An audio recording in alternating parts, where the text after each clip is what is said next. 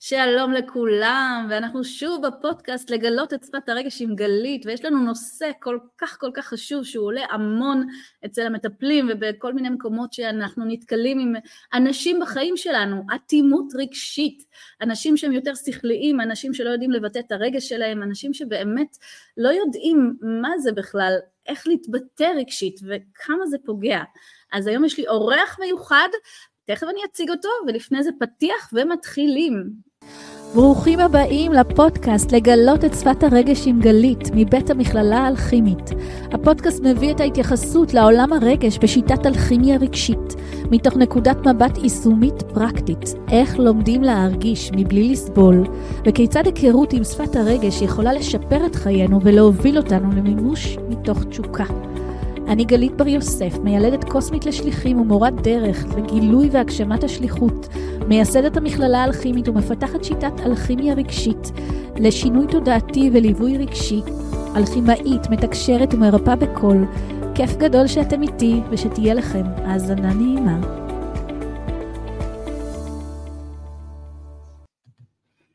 אז אנחנו כאן, כאן בפודקאסט נוסף לגלות את שפת הרגש, והפעם איך מתמודדים עם אטימות רגשית, מאטימות רגשית לחיבור רגשי, זה הנושא, ובאמת זה נושא שמלווה אותנו המון, אני נתקלת בו המון בקליניקה ועם התלמידים שלי, שאיך מתמודדים עם בן אדם שהוא כל כך שכלי, שהוא כל כך אה, לא מבין מה זה רגש, איך עושים איתו עבודה רגשית בכלל.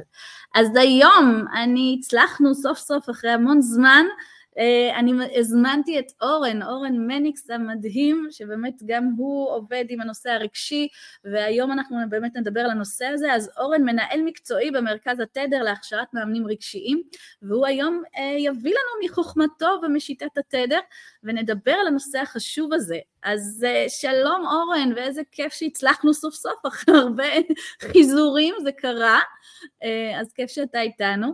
אז בוא תספר לנו אורן, אתה מהנקודת מבט שלך על האטימות הזאת, וזה נושא ששוב דיברנו בינינו וראינו ששנינו באים מהרקע הזה, אז איך אתה נתקלת בזה לראשונה, בנושא הזה של האטימות הרגשית?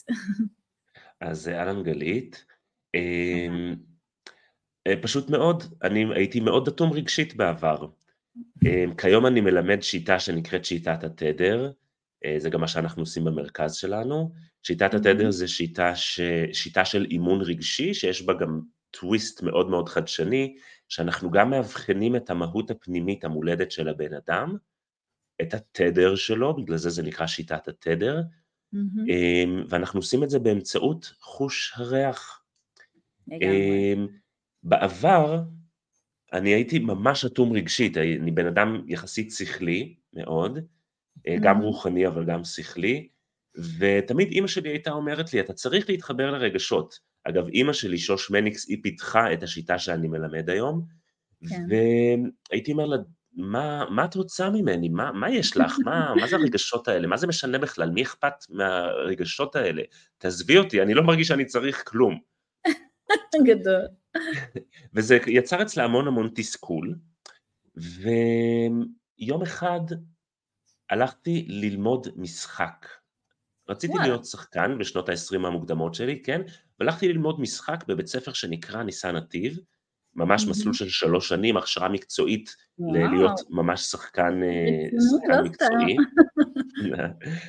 ויום אחד אחת המורות בשנה א', אמרה לנו שהיא טסה לארצות הברית, והיא פגשה שם את רוברט רדפורד.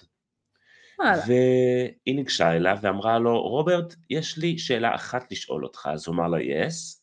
אז אמרה לו, האם אתה חושב ששחקן יכול לשחק דמות שהיא יותר אינטליגנטית ממנו? גדול. איזה שאלה חכמה. ממש, והוא הסתכל עליה ואמר לה, never. לא יכול להיות בלתי אפשרי. עכשיו, יכול להיות שהיא התכוונה ל... אמ, לאינטליגנציה שכלית, אבל באותו הרגע שהיא סיפרה לנו את זה, נפל בתוכי אסימון והבנתי שבעצם מדובר כאן על אינטליגנציה רגשית. ושחקן mm-hmm. עם עולם רגשי מצומצם, בחיים לא יוכל לשחק דמות שהיא עגולה, דמות שיש לה עולם, עולם רגשי עשיר. ובאותו הזמן mm-hmm. רציתי להיות שחקן, ואמרתי, אני לוקח את זה על עצמי כמשימה עכשיו, לפתח את העולם הרגשי שלי. אמ, אז הלכתי למאמנת הרגשית היחידה שהכרתי באותה תקופה, אמ, וגם היחידה שהסכימה לאמן אותי בחינם. חמודה. וזו הייתה אימא שלי. גדול. אז הלכתי אליה ואמרתי לה, אימא, תקשיבי, אני רוצה שתאמני אותי על להתחבר לרגשות. ובאותו הזמן קיבלתי את השיעור הראשון של מה זה רגש השמחה, כי היא קפצה משמחה והראש שלה נתקע בתקרה כמעט מרוב השמחה שהיא הרגישה. וסוף סוף הילד התעורר. כן. בדיוק, אנחנו כמאמנים, הדבר שאנחנו הכי רוצים וחולמים זה להיות מסוגלים להשפיע לטובה עם הכלים שיש לנו על הקרובים לנו, נכון. אבל בדרך כלל הם, הם האנשים האחרונים שרוצים לקבל את העזרה שלנו, ככה זה, ככה זה בדרך כלל קורה במשפחות. אמ, ופתאום הבן שלה מגיע ורוצה לקבל עזרה בדיוק במה שהיא מתמחה בו.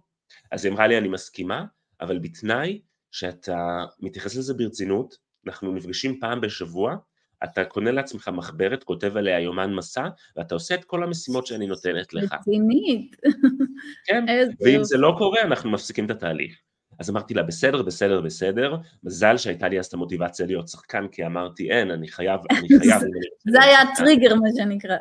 בדיוק, ומה שקרה זה שהתחלתי להיפגש איתה במשך פעם בשבוע לשעה, עם משימות באמצע, ואני לא הבנתי מה היא עשתה לי אז, אבל. פתאום התחלתי לזהות שאני כל הזמן מרגיש.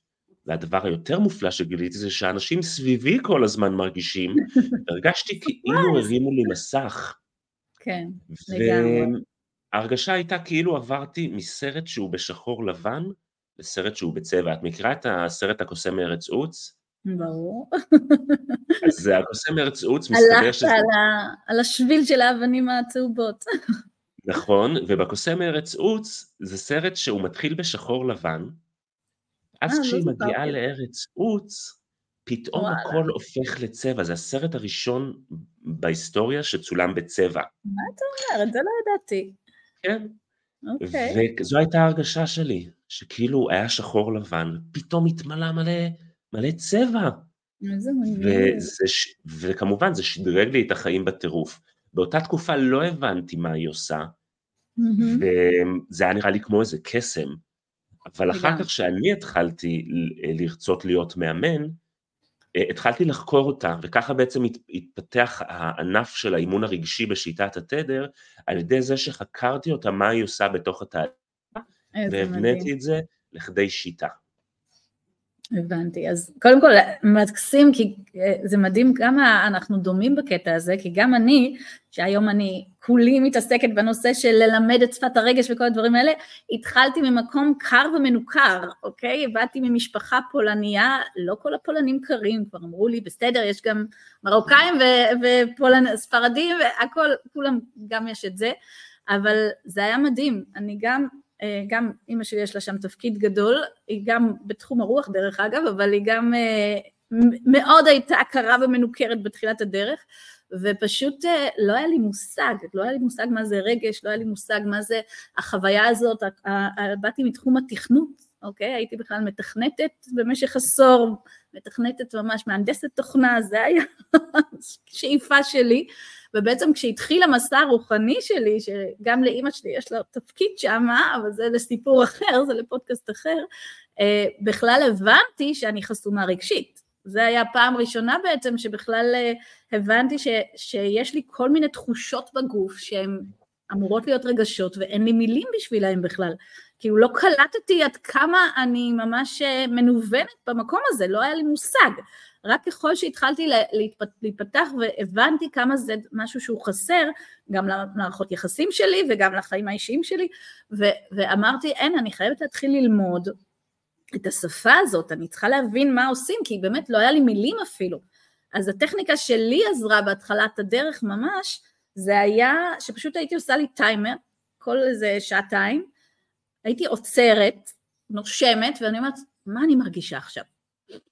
עכשיו בהתחלה באמת היה לי הרבה פעמים שהייתי אומרת, לא יודעת, אין לי מושג, אני, כאילו, לא היה לי מילים בהתחלה, אבל לא, לא ויתרתי, המשכתי והתמדתי, ולאט לאט עלה, אה, עכשיו אני מאוכזבת, עכשיו אני מתוסכלת, עכשיו אני משועממת, עכשיו אה, אה, אני שמחה, עכשיו אני סבבה לי, כאילו לאט לאט מעצם זה שהסכמתי להיות שם, משהו אה, התחיל לעלות מבפנים והתחלתי לתת מילים לדבר הזה והבנתי גם שזה, כמה זה חשוב. ואז באמת התחלתי ללמוד את המסע של ברנדון בייס, אתה מכיר את שיטת המסע המדהימה, אז עשיתי את כל התהליך ושם בעצם באמת העולם הזה נפתח בפניי ובאמת רק אחרי שנכנסים לנושא ומתחילים להגיע למקור והשורש ולגעת שם אז מבינים עד כמה ההדחקה הזאת, הניתוק הרגשי, המקום השכלי, איך שאני רואה אותו, הוא הרבה פעמים נוצר כמנגנוני הגנה בילדות, לפחות בהרבה מקומות, לא תמיד, כמו שאתה אמרת, יש גם דרכים אחרות, אז תכף תספר לנו איך אתה רואה את זה, אה, ש, שבאמת אני גדלתי עם אימא מאוד מאוד נוקשה, מאוד תוקפנית, מאוד אה, היה לה אנרגיה כזאת שהיא יודעת, היא, היא יודעת הכל, ובעצם בשביל לשמור עליי באיזשהו מקום, משהו שם באופן לא מודע בכלל סגר את הלב, סגר את הרגש, כי, כי לא הייתי, אם הייתי נשארת עם רגש פתוח, אז לא הייתי שורדת את התקופה הזאת בכלל. אז הרבה מאוד מאיתנו בגילאים הצעירים, ולפעמים זה דרך אגב אפילו מהרחם, יש דבר כזה שזה אפילו ברחם אנחנו סופגים את האנרגיות אה, מאימא וכל מיני דברים כאלה, ובעצם חלק מהעניין חלק מהלמידה, חלק מהשיעור, חלק מההתפתחות שלנו זה לאט לאט לגלות את שפת הרגש, להיפתח, לעורר ולאפשר לדבר הזה להיכנס. אה, אז זה היה באמת מסע מרגש, והנה בעקבותיו נוצרה כל שיטת אלכימיה רגשית בעצם, וכל התלמידים שעוברים עכשיו את התהליכים האלה בעצמם, וזה כל פעם מרגש מחדש לראות את הלידות האלה של הגילויים, שכל שכבה שמקלפים, שכל שלב שמוציאים בעצם אה, מאפשר לגלות עוד חלק בתוכנו, אוקיי? האלכימיה הרגשית עובדת על כל הרובדים למעשה, גם המנטלי, גם הרגשי, גם התודעתי, וכל תהליך שאנחנו עושים עם התת מודע, בדמיון מודרך, ולהיכנס פנימה ולהגיע למקור והשורש של כזה מנגנון שבעצם יצר את החסימה הזאת, יצר את הניתוק הזה, יצר את ההגנה הזאת על הלב, כמו חומה כזאת על הלב, שאסור לי להרגיש, זה מסוכן לי להרגיש, אז אנחנו אף פעם לא נוציא את זה מהר, אנחנו תכף נדבר קצת על מנגנוני הגנה, אף פעם לא נוציא בבת אחת דבר כזה, כי זה שמר לנו המון המון שנים. אז זה כל פעם baby steps, עוד קילוף ועוד איזה הוצאה ועוד איזה משהו שמאוד מאוד חשוב אה, אה, לעשות את התהליך בהדרגה, כי גוף הרגש הוא באמת, יש לו, הוא רובד מאוד מאוד אה, עדין ואי אפשר לעבוד איתו בבום טראח וגמרנו, אז מאוד חשוב בעדינות לעשות את זה. אוקיי? נכון. אז נכון. אה, בוא תספר לנו איך אתה רואה את, איך עוזרים לאנשים שנמצאים במקום כזה, איך מטפלים, יש לנו הרבה קהל שהוא מטפל, איך מטפלים בעצם אה, אה, יכולים להתחבר לנושא ולעזור לאנשים אחרים. מעולה. אז קודם כל אני רוצה להתחיל בלדבר על למה בכלל זה חשוב. למה בכלל? כאילו, אני לפני שרציתי להיות שחקן, זה בכלל לא היה לי חשוב, זה נתפס לי כמו הפרעה ובכלל לא הבנתי על מה היא מדברת. זה היה כמו איזה, די, ת, ת, תפסיקי כבר. ירדי ממני, מה זה השטויות כאילו, מה זה הדבר האמורפי הזה, כאילו, אני מרגיש מה שאני מרגיש, מה שאני לא מרגיש אני לא מרגיש, ולפעמים אני לא מרגיש כלום, לא, לא כל הזמן חייבים להרגיש משהו. וכמובן זה לא באמת היה נכון, זה לא שלא הרגשתי, זה פשוט אה, לא הייתי מודע לרגע שאני מרגיש. אנחנו כל הזמן פועלים... או, או זה היה מודחק נכון, או משהו. נכון, כן. נכון. אמ, ומה ש... למה זה חשוב? כי כל, כל ההתנהלות שלנו בעולם, אנחנו פועלים מתוך הרגשות שלנו, בין אם אנחנו מודעים לזה ובין אם אנחנו לא מודעים לזה. גם אנשים שהם מאוד שכליים, הם יודעים לזהות את המחשבות שלהם, למרות שהם לא מזהים את הרגשות שלהם. אבל אחד הדברים שאנחנו מלמדים בשיטת התדר זה שבערך 80% מהמחשבות שלנו, המקור שלהם זה באיזשהו רגש שמתרחש עכשיו. אם אני אשנה את הרגש שלי, פתאום משהו אחר ייראה לי הגיוני. פתאום המציאות תיפרס בפניי בצורה אחרת. למשל, בואו, המאזינים או הצופים שלנו כאן יכולים אה, לבדוק, האם כשעולה בכם רגש של עלבון, האם אתם תופסים את בני הזוג שלכם באותו אופן כשעולה לכם רגש של שמחה? ממש mm. לא. אותו הדבר אנשים שהם, גם אנשים שהם לא מרגישים. פעם אחת בן הזוג, בת הזוג נראית להם ככה, ופעם שאחרת בת הזוג נראית להם אחרת, והם לא מבינים שההבדל טמון בעולם הרגשי, והחשיפה של העולם הרגשי והחיבור אליו בעצם מאפשר לנו גם ללמוד את עצמנו ולהבין את עצמנו, וגם להבין את האנשים האחרים בחיים שלנו, כי גם הם כל הזמן מרגישים, ואז להיות ביותר בחירה. כן. עכשיו, בשיטת התדר אנחנו מחלקים את האנושות ל-11 סוגי אנשים.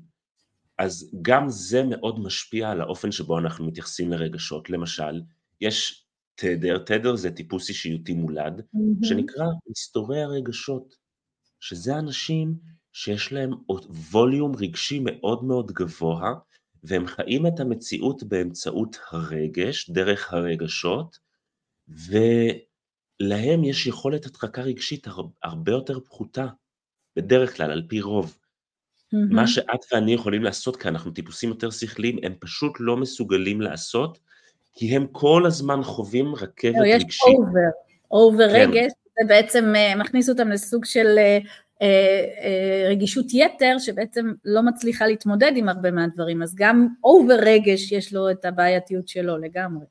כן, יש להם רגש בווליום גבוה. יש להם רגשות בווליום גבוה, אני לא הייתי קורא לזה over, כי זה מי שהם, והם צריכים ללמוד לעבוד עם הווליומים הגבוהים של הרגשות. לאזן גם, הם יכולים ללמוד לאזן. נכון, נכון. אבל גם כשהם יאזנו הם יחוו ווליומים גבוהים, זה בדיוק כן. העניין.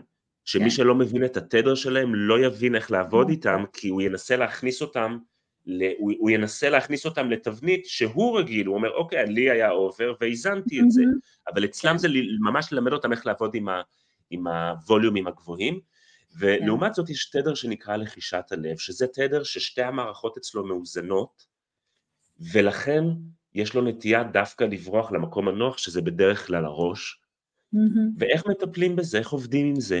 רגע, רגע, אז רגע, אז שנייה, בואו, אני רוצה רגע להתייחס באמת, לפני שנבין איך מטפלים בזה, אני רוצה באמת לדבר על העלבון, אתה נתת את זה כדוגמה מאוד, אה, אני מאוד מאמינה בדוגמה הזאת, כי היא מאוד מדברת אל הרבה מאוד אנשים, וכאחת שהייתה נעלבת כל שני וחמישי, וכל הזמן הייתי חווה את העלבון, ונעלבת עד עמקי נשמתי, ומתכנסת לקונכייה שלי ולא רוצה לצאת, וכל מיני דברים כאלה, זה מאוד מאוד קשה. אז מבחינתי, הרגש זה כפתור רגשי, אוקיי? כל רגש שאנחנו חווים, אני מדברת כרגע על הרגשות הפחות נחמדים, אני קוראת להם כפתור רגשי. וברגע שנלחץ לנו אותו כפתור רגשי, בשיטה של הכימי רגשית, אני מתייחסת אליו כשיעור חיים שלא נלמד, אוקיי? וקודם כל אנחנו, בשביל לנקות את הרגש ובשביל לתת לו מענה בכלל, כמה זה חשוב שנבין על מה זה יושב. מה בעצם יש שם מאחורי העלבון הזה, שגורם לי להיעלב כל פעם מחדש, כי עד שאני לא אפצח את זה, אני קוראת לזה חידות חמיצר, אוקיי? זה סוג של פיצוח, זה לגלות, לגלות את שפת הרגל זה לא סתם, זה באמת להבין מה קורה שם בגוף הרגשי מתחת לפני השטח. ומבחינתי, העלבון לרוב קורה ממקום של חוסר הכרה בערך, למשל. אם משהו בי לא במודע, או שאני לא מסכימה להודות בזה, האחר אמר משהו שעמוק בתוכי מהדהד לי, ואיפשהו בפנים אני מאמינה לו, אז אני אעלה. כי הוא בעצם נגע לי במשהו בתוכי שבאמת מהדהד, יש רזוננס, ואז אני נעלבת. זאת אומרת, עצם זה שאני נעלבת זה אומר שההכרה בערך שלי, ויש משהו מהילדות שיצר את זה, אני לא, לא למדתי את השיעור, לא הפנמתי את הלמידה, ובעצם הדרך לשחרר את העלבון אוקיי? או לעזור לנו לגדול ברמה רגשית, אה, תודעתית ולעזור לנו לגעת בזה, זה איפה אני לאט לאט אה, גם מגיעה למקור והשורש הרגשי בילדות, שזה באמת לרתום את תת המודע ולראות, יש כל מיני טכניקות אלכימיות שקיבלתי בתקשור שמאפשרות את זה, ושם ליצור ריפוי, ולאט לאט לעזור לנו להתחבר להכרה בערך ולתוקף הפעיל ולחוסן הפנימי, וככל שזה יגדל בתוכנו, העלבון לא יפגוש אותנו יותר, הוא לא יופעל בכלל, אוקיי? אז הרבה אנשים, נגיד השכליים, יש להם את התופעה שהם מרגישים את העלבון, הם לא מודים בזה. נכון. הם לא מודים בזה. יש להם אוטומטים שמגיבים בלי להבין למה, נכון. שהם יתרחקו מאותו בן אדם, הם ימחקו אותו, הם, הם, הם יתעלמו, הם ייעלמו לו, הם אפילו בעצמם לא מבינים למה, כי הם לא הבינו שהם נעלבו. וזה העניין, כשאנחנו מציפים את זה למודע ואנחנו מבינים שזה עלבון, אפשר לעשות משהו בנידון, אחרת זה ממשיך לנהל אותנו ואנחנו פוגעים, אם מדברים על למה לשנות את זה, אנחנו פוגעים בהמון אנשים סביבנו, אנחנו מנתקים קשרים, אנחנו מבודדים את עצמנו, וצריך להבין ששיעור שהוא לא נלמד, הוא יחזור על עצמו שוב ושוב ושוב בלופים. אני אומרת לזה, הבומבות יחזרו יותר ויותר עד שלא נפצח את הלמידה הזאת. כי מבחינת הנשמה, היא רוצה שנלמד, היא רוצה שנתפתח. אז באמת הזיהוי של הדפוס, מה שאתה ואני באיזשהו מקום עושים, הוא קריטי כדי שנתחיל לעשות את השינוי. אז עכשיו בואו נדבר על באמת מה עושים כדי לעזור לאנשים אה, שנמצאים במקום הזה. אז אה, אני מאוד מתחבר למה שאת אה, אומרת. יש לנו משהו דומה בשיטת התדר שנקרא כפתורי ההפעלה הרגשיים. וואלה, איזה קטעים. כן, ש, שזה באמת נכון מה שאת אומרת, כאילו מה שבסופו של דבר מעלה לנו את, את גוף הכאב, זה שנלחץ לנו איזשהו כפתור. כפתורים mm-hmm. שקיימים לדוגמה, זה כפתור לא אהוב, לא שווה, לא מוערך, mm-hmm. לא רואים אותי, לא בסדר, לא מספיק, לא רצוי. אני גם שמתי, אנחנו גם נשים בתיאור של הפודקאסט הזה, אה, קישור לשאלון לאבחון הכפתור האישי mm-hmm. שלך, אמ, ככה שגם המאזינים והצופים שלנו יוכלו גם לבדוק בצורה מאוד מדויקת מה הכפתור האישי שלהם שמפעיל אותם. Mm-hmm. ובאנטומיה של הרגשות, שזה מה שאנחנו מלמדים בשיטת התדר, יש לנו מערכת של כלים שנקראת האנטומיה של הרגשות, ומה שאנחנו מלמדים זה שכגודל גוף הכאב, גוף הכאב זה מצבור של כאב רגשי ישן, זה מונח שטבע אקרטולה. וזה המונח היחידי שבשיטת התדר שהוא מושאל. אמ, זה מצבור של כאב רגשי ישן, זאת אומרת שאם במשך שנים הרגשתי שלא רואים אותי, לפחות בהתאם לצורך שלי שיראו אותי, היה פער בין הצורך שלי שיראו אותי לכמה שבאמת ראו אותי, יהיה לי שם פצע. והפצע הזה יופיע בדמות של גוף כאב גדול ולא מטופל, וכגודל גוף הכאב, ככה הרגישות של הכפתורים שלנו. ולכן אם אני רוצה לטפל בזה, אני צריך לשחרר את גוף הכאב. אבל יש עוד צעד לפני זה, אנשים שבכלל לא מרגישים את הרגשות שלהם, הם בכלל לא מודעים שנלחץ להם כפתור. ועל זה אני רוצה לדבר, על מה אנחנו עושים, יש לנו גם הרבה מטפלים בק... בקהל שלנו, נכון. מה אנחנו עושים, איך אפשר לעזור למתאמן או למטופל, ממצב שבו הוא ראש על מקל, ככה אני, ככה אני מקנא את מי שאני הייתי פעם, כן, הייתי ראש, וזהו, mm-hmm. למצב שבו נפתח הדבר הזה של היכולת לראות מה קורה בקומת הלב. אז קודם כל, הדבר הכי בסיסי זה להתחיל לשאול את עצמי מה אני מרגיש, כמו שאת אמרת שאת תרגלת, זה באמת תרגיל מאוד עוצמתי. הבעיה היא שאנשים שקומת הלב, של, הלב שלהם נעולה, זה שכשהם ישאלו את עצמם מה הם מרגישים, בדרך כלל התשובה שתהיה זה או כלום או כעס. בדרך כלל אנשים שהם אטומים רגשית כן יכולים לזהות שהם כועסים, כשהם ממש כועסים, אבל כשזה, כשזה פס דק של כעס, בדרך כלל אנשים סביבם אה, יזהו את זה לפניהם. ולכן הטיפ הראשון שאני רוצה לתת זה כשאני נותן למתאמן שלי משימה לבדוק פעם בשעה מה הוא מרגיש, אחד, לתת לו מאגר של רגשות, כי עוד אין לו שפה לזה, זה הדבר הראשון. הדבר השני, זה, אמ, אין לו מאגר של רגשות, זה, ולשאול אותו, להגיד לו שישאל את עצמו מה הוא מרגיש, או מה ממשהו, מה מכל המילים שבמאגר הכי קרוב לחוויה שהוא חווה. אוקיי? זה יותר יאפשר לו לבחור. זה, כן. זה הדבר הראשון. והדבר השני, זה כשהוא שואל את עצמו מה הוא מרגיש, שיחפש אפילו חצאי אחוז של רגש. הרבה פעמים שאני שואל מתאמנים או מטופל, מתאמנים שלי, אמ, מה אתה מרגיש, הם יגידו כלום, ואז אני אשאל אותם, האם יש שם אפילו חצי אחוז של איזשהו רגש? ואז הם יגידו, אה, זה כן, יש שם עצב, ויש שם כעס, פתאום ייפתח השער. למה?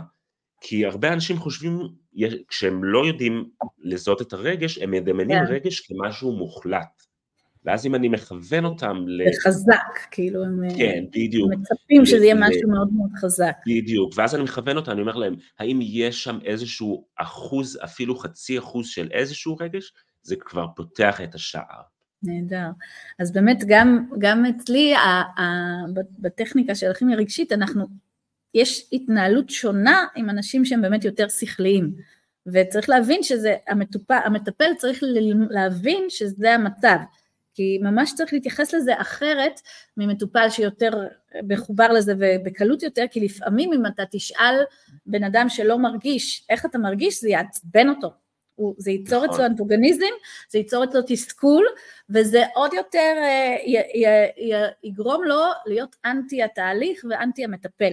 אז מאוד מאוד חשוב על ההתחלה כבר לזהות מצב מהסוג הזה, ואנשים מהסוג הזה, אני אפילו לא אשתמש איתם במילה איך אתה מרגיש. מה אתה חווה? בוא, בוא תתחבר לגוף, כי הגוף מדבר אלינו, אוקיי? אז אנשים כאלה שהם לרוב מחוברים נורא לשכל, לראש, הם לא מקשיבים לגוף. אז בוא תהיה רגע עם הגוף. בוא נראה מה הגוף רוצה לספר לנו. ואם המועקה הזאת, או הלחץ הזה, או העומס הזה, היה יכול לספר לנו מה קורה שם, מה היה עולה? עכשיו, אני גם כן מאוד אומרת להם, בוא תשהה שם, וגם אם עולה משהו הכי קטן, זה בסדר, וגם אם לא, הכל בסדר. גם אם לא, זה בסדר. כי נורא חשוב שאנשים שכליים, הם מאוד אה, בדרך כלל אמביציונרים, והם נורא רוצים לספק את הסחורה. וברגע שהם מרגישים שהם כאילו לא בסדר, שהם לא מרגישים, הם נכנסים ללחץ שעוד יותר רותם אותם, שעוד יותר סוגר אותם. ואז הם בעצם אה, עוד יותר בסטרס לספק את הסחורה. אז זה תפקיד שלנו כמטפלים להוריד את הלחץ, להגיד לו גם אם לא יעלה לך כלום, הכל בסדר, יש לי מספיק כלים בארגז הכלים שלי, אנחנו נדע, לה, לה, יהיה לנו מספיק מה לעשות, אתה לא צריך, לה, לה, לא, לא חייב לעלות כלום. זה בעצם טריק להתמודד עם התנגדויות מהסוג הזה, שמורידות לו את רמת הלחץ, שמורידות את החוויה הזאת. עוד משפט מפתח שאני ממליצה לכם, מי שלא לקח בינתיים כלי כתיבה, אז תיקחו, כי אנחנו, גם אורן מביא פה דברים מדהימים, וגם אני כל מיני טיפים, ואנחנו ניתן עוד. אה, אני לא מרגיש כלום, או לא עולה לי כלום, ואם בכל זאת היה עולה שם משהו, אוקיי? זה משפט מדהים, שברגע שאומרים אותו, הוא כאילו עוקף את השכל, עוקף את התודעה, ומשהו קורה שם, אוקיי? ועוד טריק אחרון, ואני רוצה להמשיך לשמוע אותך, אנחנו באלכימיה רגשית משתמשים בתדרי קול, אוקיי? זה האקס פקטור, אני קוראת לזה. הוא, הוא עובר שכל, עובר תודעה, ומשהו בתדרי הקול פותח רובד בתוך המטופל של חסימות מסוימות או, או דברים, תקיעויות מסוימות, שאין שום דרך אחרת לפתוח אותם. אז, אז שוב, זו טכניקה שאנחנו לומדים ב, ב, בקורס, במס, בהכשרה השנתית, אבל זה מדהים לראות שברגע שמשמיעים את התדרי קול, ואני לא מתכוונת לתדר מסוים, זה פשוט מגיע בתקשור אפילו, בסוג של חיבור שתואם לבן אדם, זה לא שירה, זה תדר מסוים, שפשוט חודר, הוא חודר, הוא עוקף את כל ההגנות, עוקף את כל החסמים שהבן אדם עושה, ומשהו קורה שם, קורה איזשהו קסם. זה המטפל, המטפל הוא זה ש... מטפל משמיע את הכל, ולפעמים הוא מזמין את המטופל אה, שיצטרף אליו, תלוי, לא בהתחלה בדרך כלל, הם עושים הכנה, שלא יחשבו, זהו, אני בורח, הגעתי לאיזה משוגעת עכשיו, אז יש איזו הכנה, בדרך כלל אני לא ממליצה לעשות את זה על ההתחלה, אבל ממש דווקא ברגעים שבהם אה, אנחנו מרגישים שיש שם את התקיעות, או את הרגש החזק ביותר, או דברים מהסוג הזה, שם אנחנו נכנסים לסשן של שתי דקות, זה לא משהו ארוך מדי, של תדרי קול, שהם פשוט אין לי מילים להגיד איזה פתיחה זה יוצר שם, שהיא לא רציונלית, אוקיי? היא לא רציונלית וזה ממש ברמה של התדר, היא ממוססת אנרגיות של חסימה מסוימות, ופתאום דברים עולים, אוקיי? עכשיו הרבה פעמים, כמו שאמרתי, זה המקור והשורש למנגנוני ההגנה האלה זה בילדות, ופתאום יעלה לו אירוע, שנגיד הוא עמד מול אימא, והיא נורא כעסה עליו והיא נורא פגעה בו ו- וכאילו הוא נורא נבהל ממנה ומשהו בפנים הוא אמר אין אני לא אדבר אני לא אגיד אני, אני לא זה אני בטוח לי יותר אה, לא לשתף.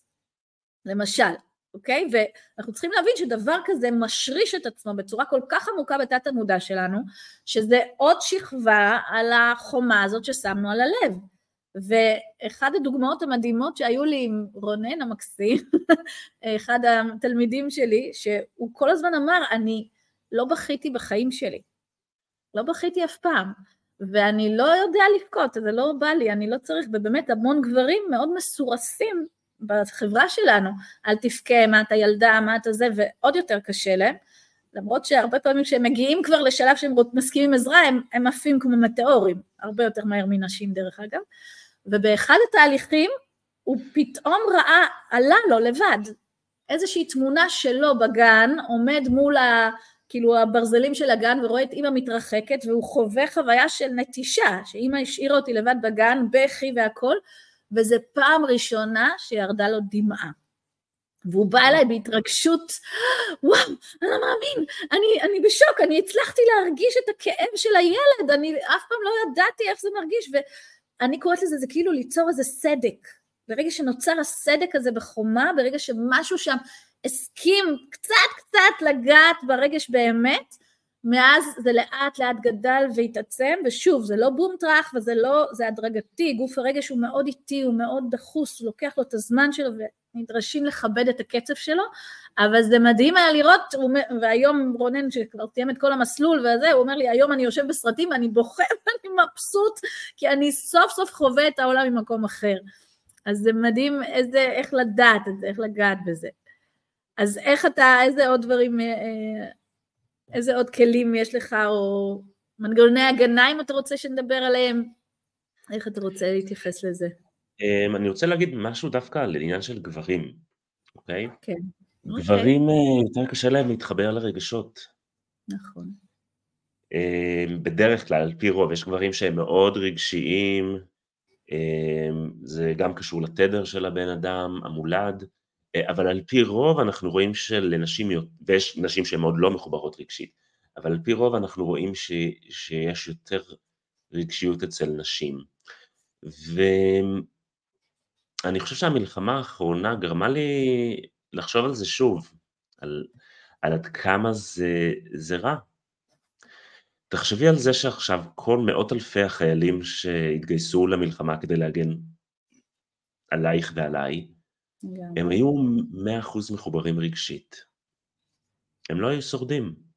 לגמרי. ואני חושב שחלק מהתפקיד של, של, אה, בוא נאמר, המסורתי של גבר כמגן, אמ, הבורא ברא אותו בחוכמה גם בצורה כזאת שהרגשות פחות יהיו נוכחים. כי וואלה, לפעמים הוא צריך להרים חרב, ולפעמים הוא צריך להרים רובה, ולפעמים הוא צריך uh, להרוג כדי להגן, ולפעמים הוא צריך להיות בשדה קרב. ואלה מקומות ואלה מצבים שבהם אין אופציה להרגיש, כי אתה צריך לתפקד, אתה צריך לתפקד והחיים שלך ושל המשפחה שלך ושל העם שלך תלויים בזה. לגמרי. Um, העניין הוא שביחסים ומלחמה הם שני שדות שונים לגמרי, והרבה אנשים שהם אה, והחסימה הרגשית הזאת, או יותר נכון חוסר המודעות הרגשית, כי לא תמיד זה חסימה, יש אנשים שהם פשוט נולדו נכון. יותר שכליים, כן. משרתת אותנו בדברים אחרים, אבל בתוך, בדרך כלל בתוך יחסים, שמה יעלה החולשה של הניתוק הרגשי הזה. ושם mm-hmm. באמת הרבה דברים שנתקלים בקושי ביחסים, בסופו של דבר זה מה שמוביל אותם אה, גם לחקור את העולם הזה של הרגש. אבל העולם נברא בחוכמה גדולה וגם אנחנו נבראנו בחוכמה גדולה, ווואלה, לפעמים גם שכליות שהיא קצת מנותקת רגשית, יש לה תפקיד בעולם הזה. אבל בשדה של היחסים, מה לעשות? חוסר רגשיות זה דווקא חולשה, זה, זה שדה שזה השפה בו, השפה של הרגשות, השפה של השיתוף, השפה של היכולת להכניס לעולם הפנימי שלי ולהיכנס לעולם הפנימי של בת הזוג שלי. אמ, והרבה פעמים מה שחוסם אנשים מלהסכים להרגיש זה מה שאנחנו קוראים לו חיבורים מקולקלים. חיבור מקולקל זה חיבור, זה, זה תפיסה של שני מושגים שונים כזהים, אוקיי? בדרך כלל זה קשור לאיזושהי צריבה, חוויה שצרבה בנו איזושהי חוויה רגשית, והרבה חיבורים, יש הרבה חיבורים מקולקלים לרגש.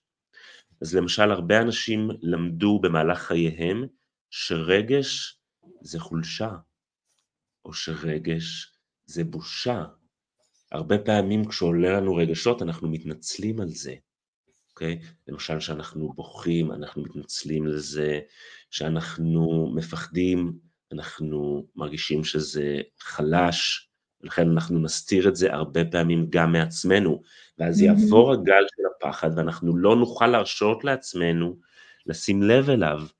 רגש שווה טיפשות. באנגלית, כשאת אומרת למישהו you're emotional, זה קצת כאילו את תגידו לו you're a mess. כאילו...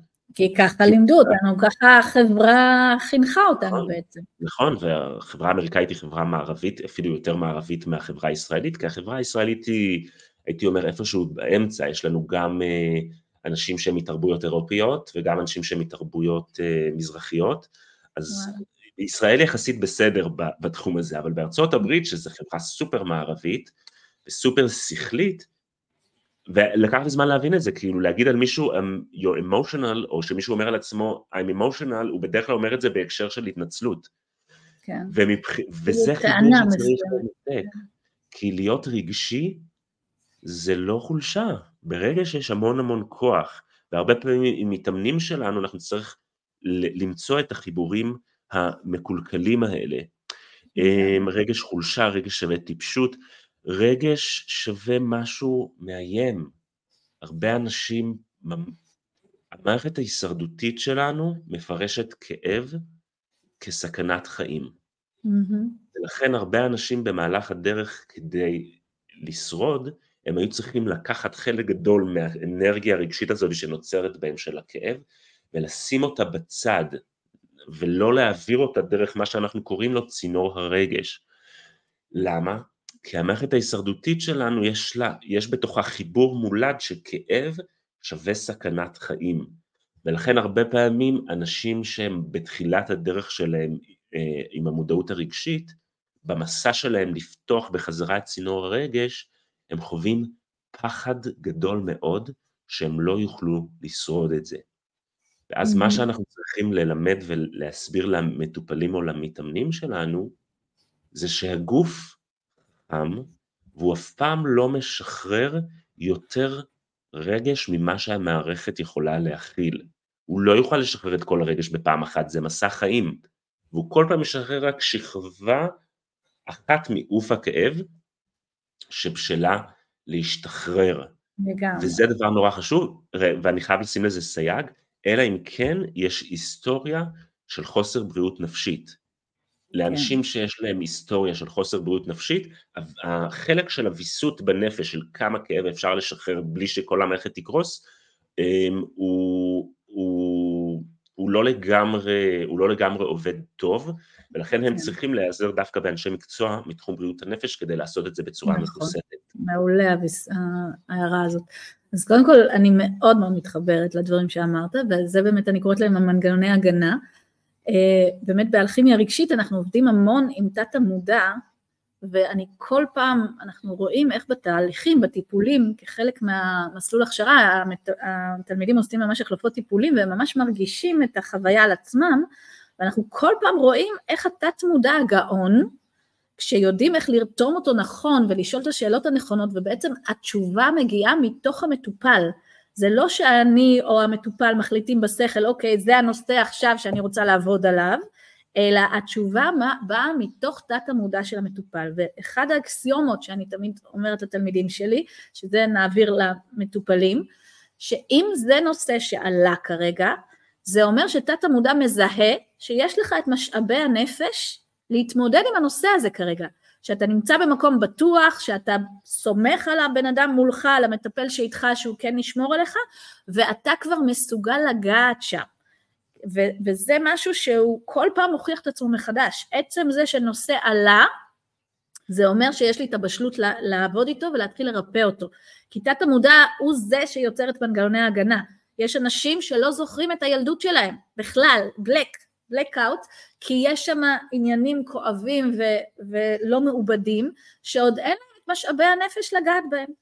ורק ברגע שבן אדם מתחיל איזשהו תהליך, וכמובן אנחנו לא ישר הולכים ונוגעים בדברים האקוטיים והמאוד מאוד כואבים, אלא מתחילה בונים בכלל יסודות יציבים, נותנים לבן אדם לאט לאט לחזק את החוסן הפנימי, לקבל את העוצמה, לגלות מי הוא בכלל, להתחיל ליצור איזשהו בסיס יציב שרק אחריו בכלל ניתן להתחיל לגעת במקומות הבאמת רגישים וכואבים, וזה כל פעם מוכיח את עצמו מחדש, תת המודע הגאון הזה, נגיד להבדיל כמובן נשים שעברו סוג של התעללות מינית או דברים כאלה, זה לא יעלה בהתחלה, אין גישה לזה וזה לא נכון שניזום את זה בכלל, אוקיי? אלא רק שזה יבוא באופן ספונטני מתוך תהליך, אז זה אומר שהבשלות קיימת.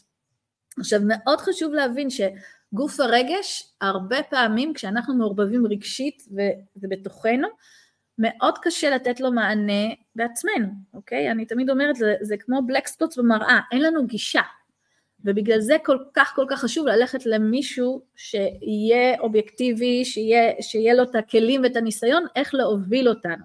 ללכת לטיפול או לאימון או אה, למה שמרגיש לנו, מה שמחבר אותנו, כי היום מבחינתי כל המדינה זקוקה לטיפול, אוקיי? ולא סתם ההדרכות תמיד אמרו לי, חלק ממה שאני עושה זה מתקשרת, הם אמרו לי, המקצועות, הטיפול, הם העידן החדש, הם, הם היו הדבר הכי חשוב שיעזור לאנשים אה, לחזור לחיים מתוכו, והנה קרה מה שקרה, ואתה דיברת על החיילים בשדה הקרב, אבל מבחינתי כולנו בסוג של שדה קרב כרגע, מרגע שהתחיל מה שהיה ו- וזה לחץ לכולנו על כפתורים מטורפים, גם ברמה קרמטית, מכל מיני גלגולים וטראומות שעברנו, אז זה מציף ומעלה, וגם בכל מיני חוויות ארציות שלא לא איבדנו או לא זה, אז כל אחד מגיב לזה אחרת, ומאוד חשוב שכאן באמת, בשלבים ההתחלתיים, המנגנוני הגנה שומרים עלינו.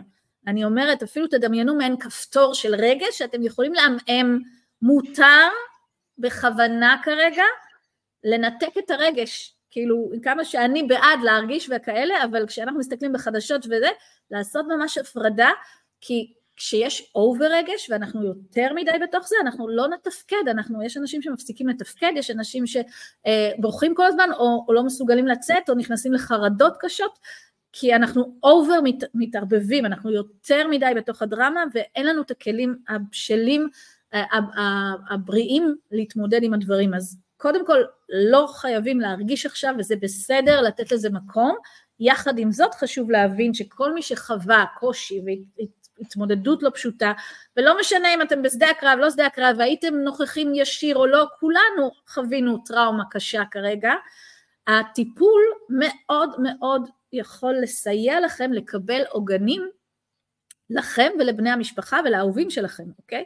כי העוגנים האלה, הם יעזרו לגוף הרגש לאט לאט, לאט להתחיל לאבד את הדברים, כי הדחקה לאורך זמן היא לא תעבוד, אוקיי? זה יתפרץ וזה יגיע באיזשהו שלב וזה משהו שבאמת אה, יכול לעשות אה, נזק וקושי מאוד גדול בהמשך. וככל שנלמד כלים שאנחנו בפני עצמנו יכולים להפעיל עלינו ועל האהובים שלנו, ככה אנחנו נוכל להתמודד עם הדברים בצורה קלה יותר מבלי לסבול, אוקיי? ודרך אגב, מי שרוצה, יש לי בקורסים עכשיו, נפתחו שני קורסים שעושים עכשיו סטאז', שזה בעצם טיפולים במסגרת סטאז' של התלמידים שלי, שזה בעלות סמלית יחסית, אז מי שרוצה תרשמו אני, אני אשלח לכם אחר כך, אה, זה מדהים, כי עכשיו מבחינתי זה צו שמונה שלנו, של המטפלים, של שליחי האור, איך אנחנו באמת לוקחים את כל המתנות שלמדנו כרגע, ואיך אנחנו עוזרים לכמה שיותר אנשים, אחרת אנשים יגיעו פה בעוד חצי שנה לרמה של חוסר תפקוד אם לא נתחיל לגעת בדברים האלה עכשיו ולקבל מענה אמיתי לאיך להתמודד עם החוויות האלה. זה מאוד מאוד חשוב. אז שוב, כל אחד בדרכו, ועוד פעם, יש כל מיני אפשרויות, יש גם אה, מרחב שאני עושה עכשיו שהוא ב- ב- ללא עלות של הפעמת הלב, ששם יש מלא כלים שאנחנו נותנים, אז זה גם כן, אם מישהו רוצה כלים, אפשר לה, להגיע לשם, זה אה, בוגרים של המכללה יכולים להיכנס לשם, כאילו מעבירים שם תהליכים. אה, אז תספר אז איך אתה רואה את זה מהמקום הזה. אמ, טיפ נוסף שאני רוצה לתת למטפלים אמ, בעבודה שלהם עם אנשים שהם אה, חסומים רגשית, זה הכלי של, אה, של הגוף. אמ, וכאן יש שתי, שתי הסתעפויות של הנושא הזה של הגוף. אולי זה גם יהיה הטיפ האחרון להיום. כן. כן, אז קודם כל, אה, תחושות הגוף. הרבה פעמים אנשים שקשה להם לזהות רגשות, הם יכולים יותר בקלות לזהות תחושות גוף. וגם לתחושות גוף צריך שפה. אז מי שאומר לי, אמ, נגיד, שגם תחושות הגוף הוא לא יודע מה הוא, מה הוא חש, אז אני אומר לו, אוקיי, בוא תבדוק אם יש איפשהו מתח בגוף. אוקיי, זה, זה בדרך כלל אנשים שגם, גם אנשים שחסומים, את זה ידעו לזהות. יכול כן. להגיד להם, אוקיי, עכשיו בכתפיים אתה מרגיש שחרור או מתח, ובצוואר ובלסת, וככה לאט לאט זה כאילו מדרגה שמאפשרת למתחיל להיכנס uh, לשפה של הגוף, לקרוא את הסימנים של הגוף, סימן. והדבר הנוסף זה שפת הגוף, שפת הגוף של עצמנו.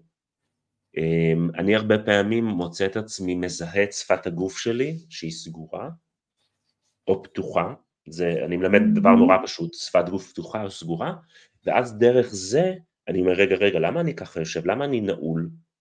מה קורה לי? למה אני נשען אחורה? ואז פתאום אני... לא רואים כל כך את הידיים, אבל ידיים אה, סגורות הכוונה, כן. יאללה, נעשה ריקוד אה, קווקזי. יאללה. אמ, ואז אני, ואז זה מוביל אותי, זה טריגר לשאול את עצמי, רגע, מה אני מרגיש? למה הגוף שלי ככה? כי השפת גוף שלנו מגיבה במיידית גם אם אנחנו לא מזהים את הרגש, אז זה עוד טיפ למטפלים שבינינו. ממש. אז uh, באמת כשאני עובדת עם בן אדם שהוא שכלי, כמו שאמרנו, לא מדברים יותר מדי על הרגש, אני אומרת לו, בוא נזרום עם, ה, עם, ה, עם השכל. מה, מה אתה חושב שאתה מרגיש? אוקיי? Okay? וזה בסדר. מה אתה חושב שאתה מרגיש? וכמו שאורן אמר בהתחלה, יש הרבה שמצפים שהרגש יהיה גרנדיוזי ומאוד וואו, ואם זה באמת משהו מאוד קטן, הם לא מחשיבים את זה. אז ברגע שאני רותמת את השכל לעבודה, ואני אומרת לו, אנחנו עושים את זה בדרך שתואמת לך, זה לא אומר שזה לא בסדר, וזה לא אומר שמשהו בך לא תקין, זאת הדרך הייחודית לך, נורא חשוב ליצור את ההרגעה באמת ואת התיאום ציפיות אה, של להרגיע ולהסביר לו, עבודה על גוף הרגש זה הדרגתיות, זה לאט לאט, אנחנו כל פעם ניפתח לזה בעוד רמה, ואתה תעשה את זה בקצב שנכון לך, הכל בסדר, ובגלל זה תמיד זה איזושהי תהליכיות מסוימת, אוקיי? וזה מדהים לראות איך לאט לאט באמת משהו נפתח, אבל נורא חשוב שהמטפל לא יביע איזושהי ביקורת או חוסר שביעות רצון או משהו, כי זה מיד יסגור את האחר. אוקיי? אז אחד הכלים שאני נותנת לכולם בתכלס, אבל למי שלא מרגיש זה עוד יותר חזק, איך להתחבר לחוויה של הרגש, אני קוראת לזה תרגיל ההתפעמות. זה תרגיל מהמם, שכולם יכולים להתנסות בו, וזה משהו שאתם לגמרי יכולים לתת גם למטופלים שלכם. אבל זה בעיקר לאלה שלא מרגישים, זה פותח עוד יותר את הלב, זה פשוט פעם ביום להקדיש חמש דקות, חמש דקות למשהו שאני בוחרת להתפעם ממנו, אוקיי? עכשיו זה יכול להיות הדברים הטריוויאליים ביותר, עגל טל על עלה, ענן, לצאת החוצה ולהסתכל על, על פרח מסוים, או, על, או אפילו אם אתם לא מצליחים לצאת החוצה אז לפתוח משהו ביוטיוב של נוף בדרך כלל, את לי זה עושה, אבל כל אחד מה שהוא עושה, ולהסתכל על זה כאילו אנחנו רואים את זה בפעם הראשונה בחיים בעיניים של ילד. כן? אתם מכירים את זה שבהתחלה שילד הולך בשדה והוא רואה שיירה של נמלים, יואו, איזה מדהים וזה, והוא יכול שעה להסתכל על השיירה של הנמלים האלה, כי הוא בעצם מסתכל עליהם כאילו זה פעם ראשונה שהוא רואה אותם, וההתפעמות היא שילוב של התרגשות עם התלהבות, עם אה, אהבה, עם חוויה, ובעצם האנרגיה של ההתפעמות זה אנרגיה בראשיתית שפותחת לנו את הלב, שמסכימה לה, להזכיר לנו איך זה מרגיש. שיטה נוספת שאפשר לעשות את זה בארוחת אני רק רוצה להגיד שנראה לי יהיה מאוד אפקטיבי לתרגל את זה על בני הזוג שלנו. אז לגמרי, וואלה, לא חשבתי על זה. פשוט להסתכל עליהם כמו בפעם הראשונה. וואו. אם זה היה התבוננות אה, חיובית בפעם נכון, הראשונה, לא תמיד זה ככה. כן, ופשוט להתפעם חמש דקות ביום. וואו, זה יכול להיות תרגיל זוגי מדהים. אחד הדברים שאני עושה מדי פעם זה להתפעם מארוחת הצהריים. אוקיי? אנחנו כל כך רגילים, אנחנו לא שמים לב, אנחנו באים, תח תח תוקעים ויאללה, זריז, אבל להחליט, היום אני מתפעמת מהאוכל שלי, ואני יושבת ליד הצלחת ואני קודם כל מסתכלת עליה, ואני מתחילה להסתכל בדברים הקטנים, בגוונים, במרקם, בצבעים השונים, בריח, אוקיי? להפעיל את החושים. ולהיות בסוג של התפעמות והודיה בעצם, זה על אותו עיקרון, ואז אני מכניסה את הביס ואני נותנת לו טעמים להתפצפץ, כמו אייל שני, להתפצפץ בתוכי ולהתענג על הביס, וכאילו לא לבלוס. ולדמיין קנדי נור בתוך הפה שלה. בדיוק, לתת לה טעם באמת להיות, ולהיות שם בחוויה. שזה הביס הראשון שאני לוקחת בחיים, או אחרי תקופה, חס וחלילה שלא אכלתי או משהו כזה, אבל להסכים ליהנות מזה, להסתכל על ה... באמת על הפלא הזה שהבורא יצר סביבנו, על הפרח, על, ה, על הטל, על הדשא, שזה כל כך לא מובן מאליו, ואנחנו לפעמים כל כך שוכחים ל- ל- לראות את הפלא הזה שאנחנו חיים בתוכו, וברגע שאנחנו מסתכלים מהמקום הזה, הלב נפתח. משהו שם מת, באמת מתמלא באהבה ובשמחה ובהודיה, וזה עצם זה שאני חיה בשדה כזה, זה ימגנט אליי עוד ועוד דברים כאלה, ובטח ובטח יעזור לי לפתוח את הלב. אז זה תרגיל מדהים שאני נותנת אותו להרבה אנשים שכליים, זה לוקח זמן עד שהם לא מסכימים להרגיש, אבל אם הם מתמידים, זה עובד, חבל על הזמן. נהדר. וואי, אורן, איזה נושא חשוב, חבל על הזמן. תרשמו לנו, יקרים, תרשמו לנו מה לקחתם מה... מה, מה פודקאסט הזה, איזה דברים אתם לוקחים, אם יש לכם שאלות או דברים אז תרשמו, אני גם אצרף לכם את ערכת הוידאו שלי, את ערכת הוידאו של אפקט הוואו למטפלים, שזה שבע סרטונים ממש שאפשר אה, אה, ממש לקבל מהם כל מיני הבנות וטיפים לטיפול, והיה לי לעונג אורן לארח אותך, אה, בוא תספר איפה אפשר לפגוש אותך ואיך אפשר להכיר קצת אה, יותר את שיטת התדר ומה שאתם מביאים. אמ, אז הדרך הכי טובה זה באמת שמנו קישור לשאלון לזיהוי כפתור ההפעלה הרגשי האישי שלכם. Mm-hmm. אתם אה, מוזמנים להיכנס אליו, גם לקבל את האבחון דרך, את האבחון של הכפתור דרך הקישור הזה, וגם אפשר לחפש שיטת התדר בגוגל. נהדר. אז היה לי ממש מעניין, אתה בן אדם מאוד מיוחד, ובאמת אה, מבחינתי השיטות משלימות אחת את השנייה, ובאמת אה, מאוד, אה, מאוד חשובות עכשיו בתקופה הזאת, כמה זה חשוב שנכיר את התדר של הרגש שלנו ושניתן לו מענה. אז תודה רבה, אגב, איפה אפשר למצוא אותך? אז אותי אפשר, שוב, גם למלא את הפרטים של המדריך הוידאו, וגם לרשום גלית בר יוסף או מכללה אלכימית, אה, יש לי גם אה, ערוץ יוטיוב, יש גם, אה, יש דף, יש גם דף של האתר, ויש את הדף העסקי בפייסבוק, ששם יש המון המון חומר ואת כל מה שקורה, המכללה האלכימית עם גלית בר יוסף. אז נהדר, אז תודה רבה אורן, אז אני אשים לכם סגיר, ואנחנו נתראה כל יום רביעי בשבע בפודקאסט לגלות את שפת הרגש עם גלית. אז להתראות. להתראות. האזנתם לפודקאסט לגלות את שפת הרגש עם גלית. מוזמנים להצטרף לקבוצת הוואטסאפ השקטה, שם אני שולחת את כל הדברים הכי עדכניים, את העדכונים, את המידעים, את המתנות, ויש לכם פה בתיאור גם את כל הפעילויות של המכללה האלכימית, שתראו מה יכול להתאים לכם, איך אתם יכולים לעבור את הטרנספורמציה ששמעתם עליה בפרק.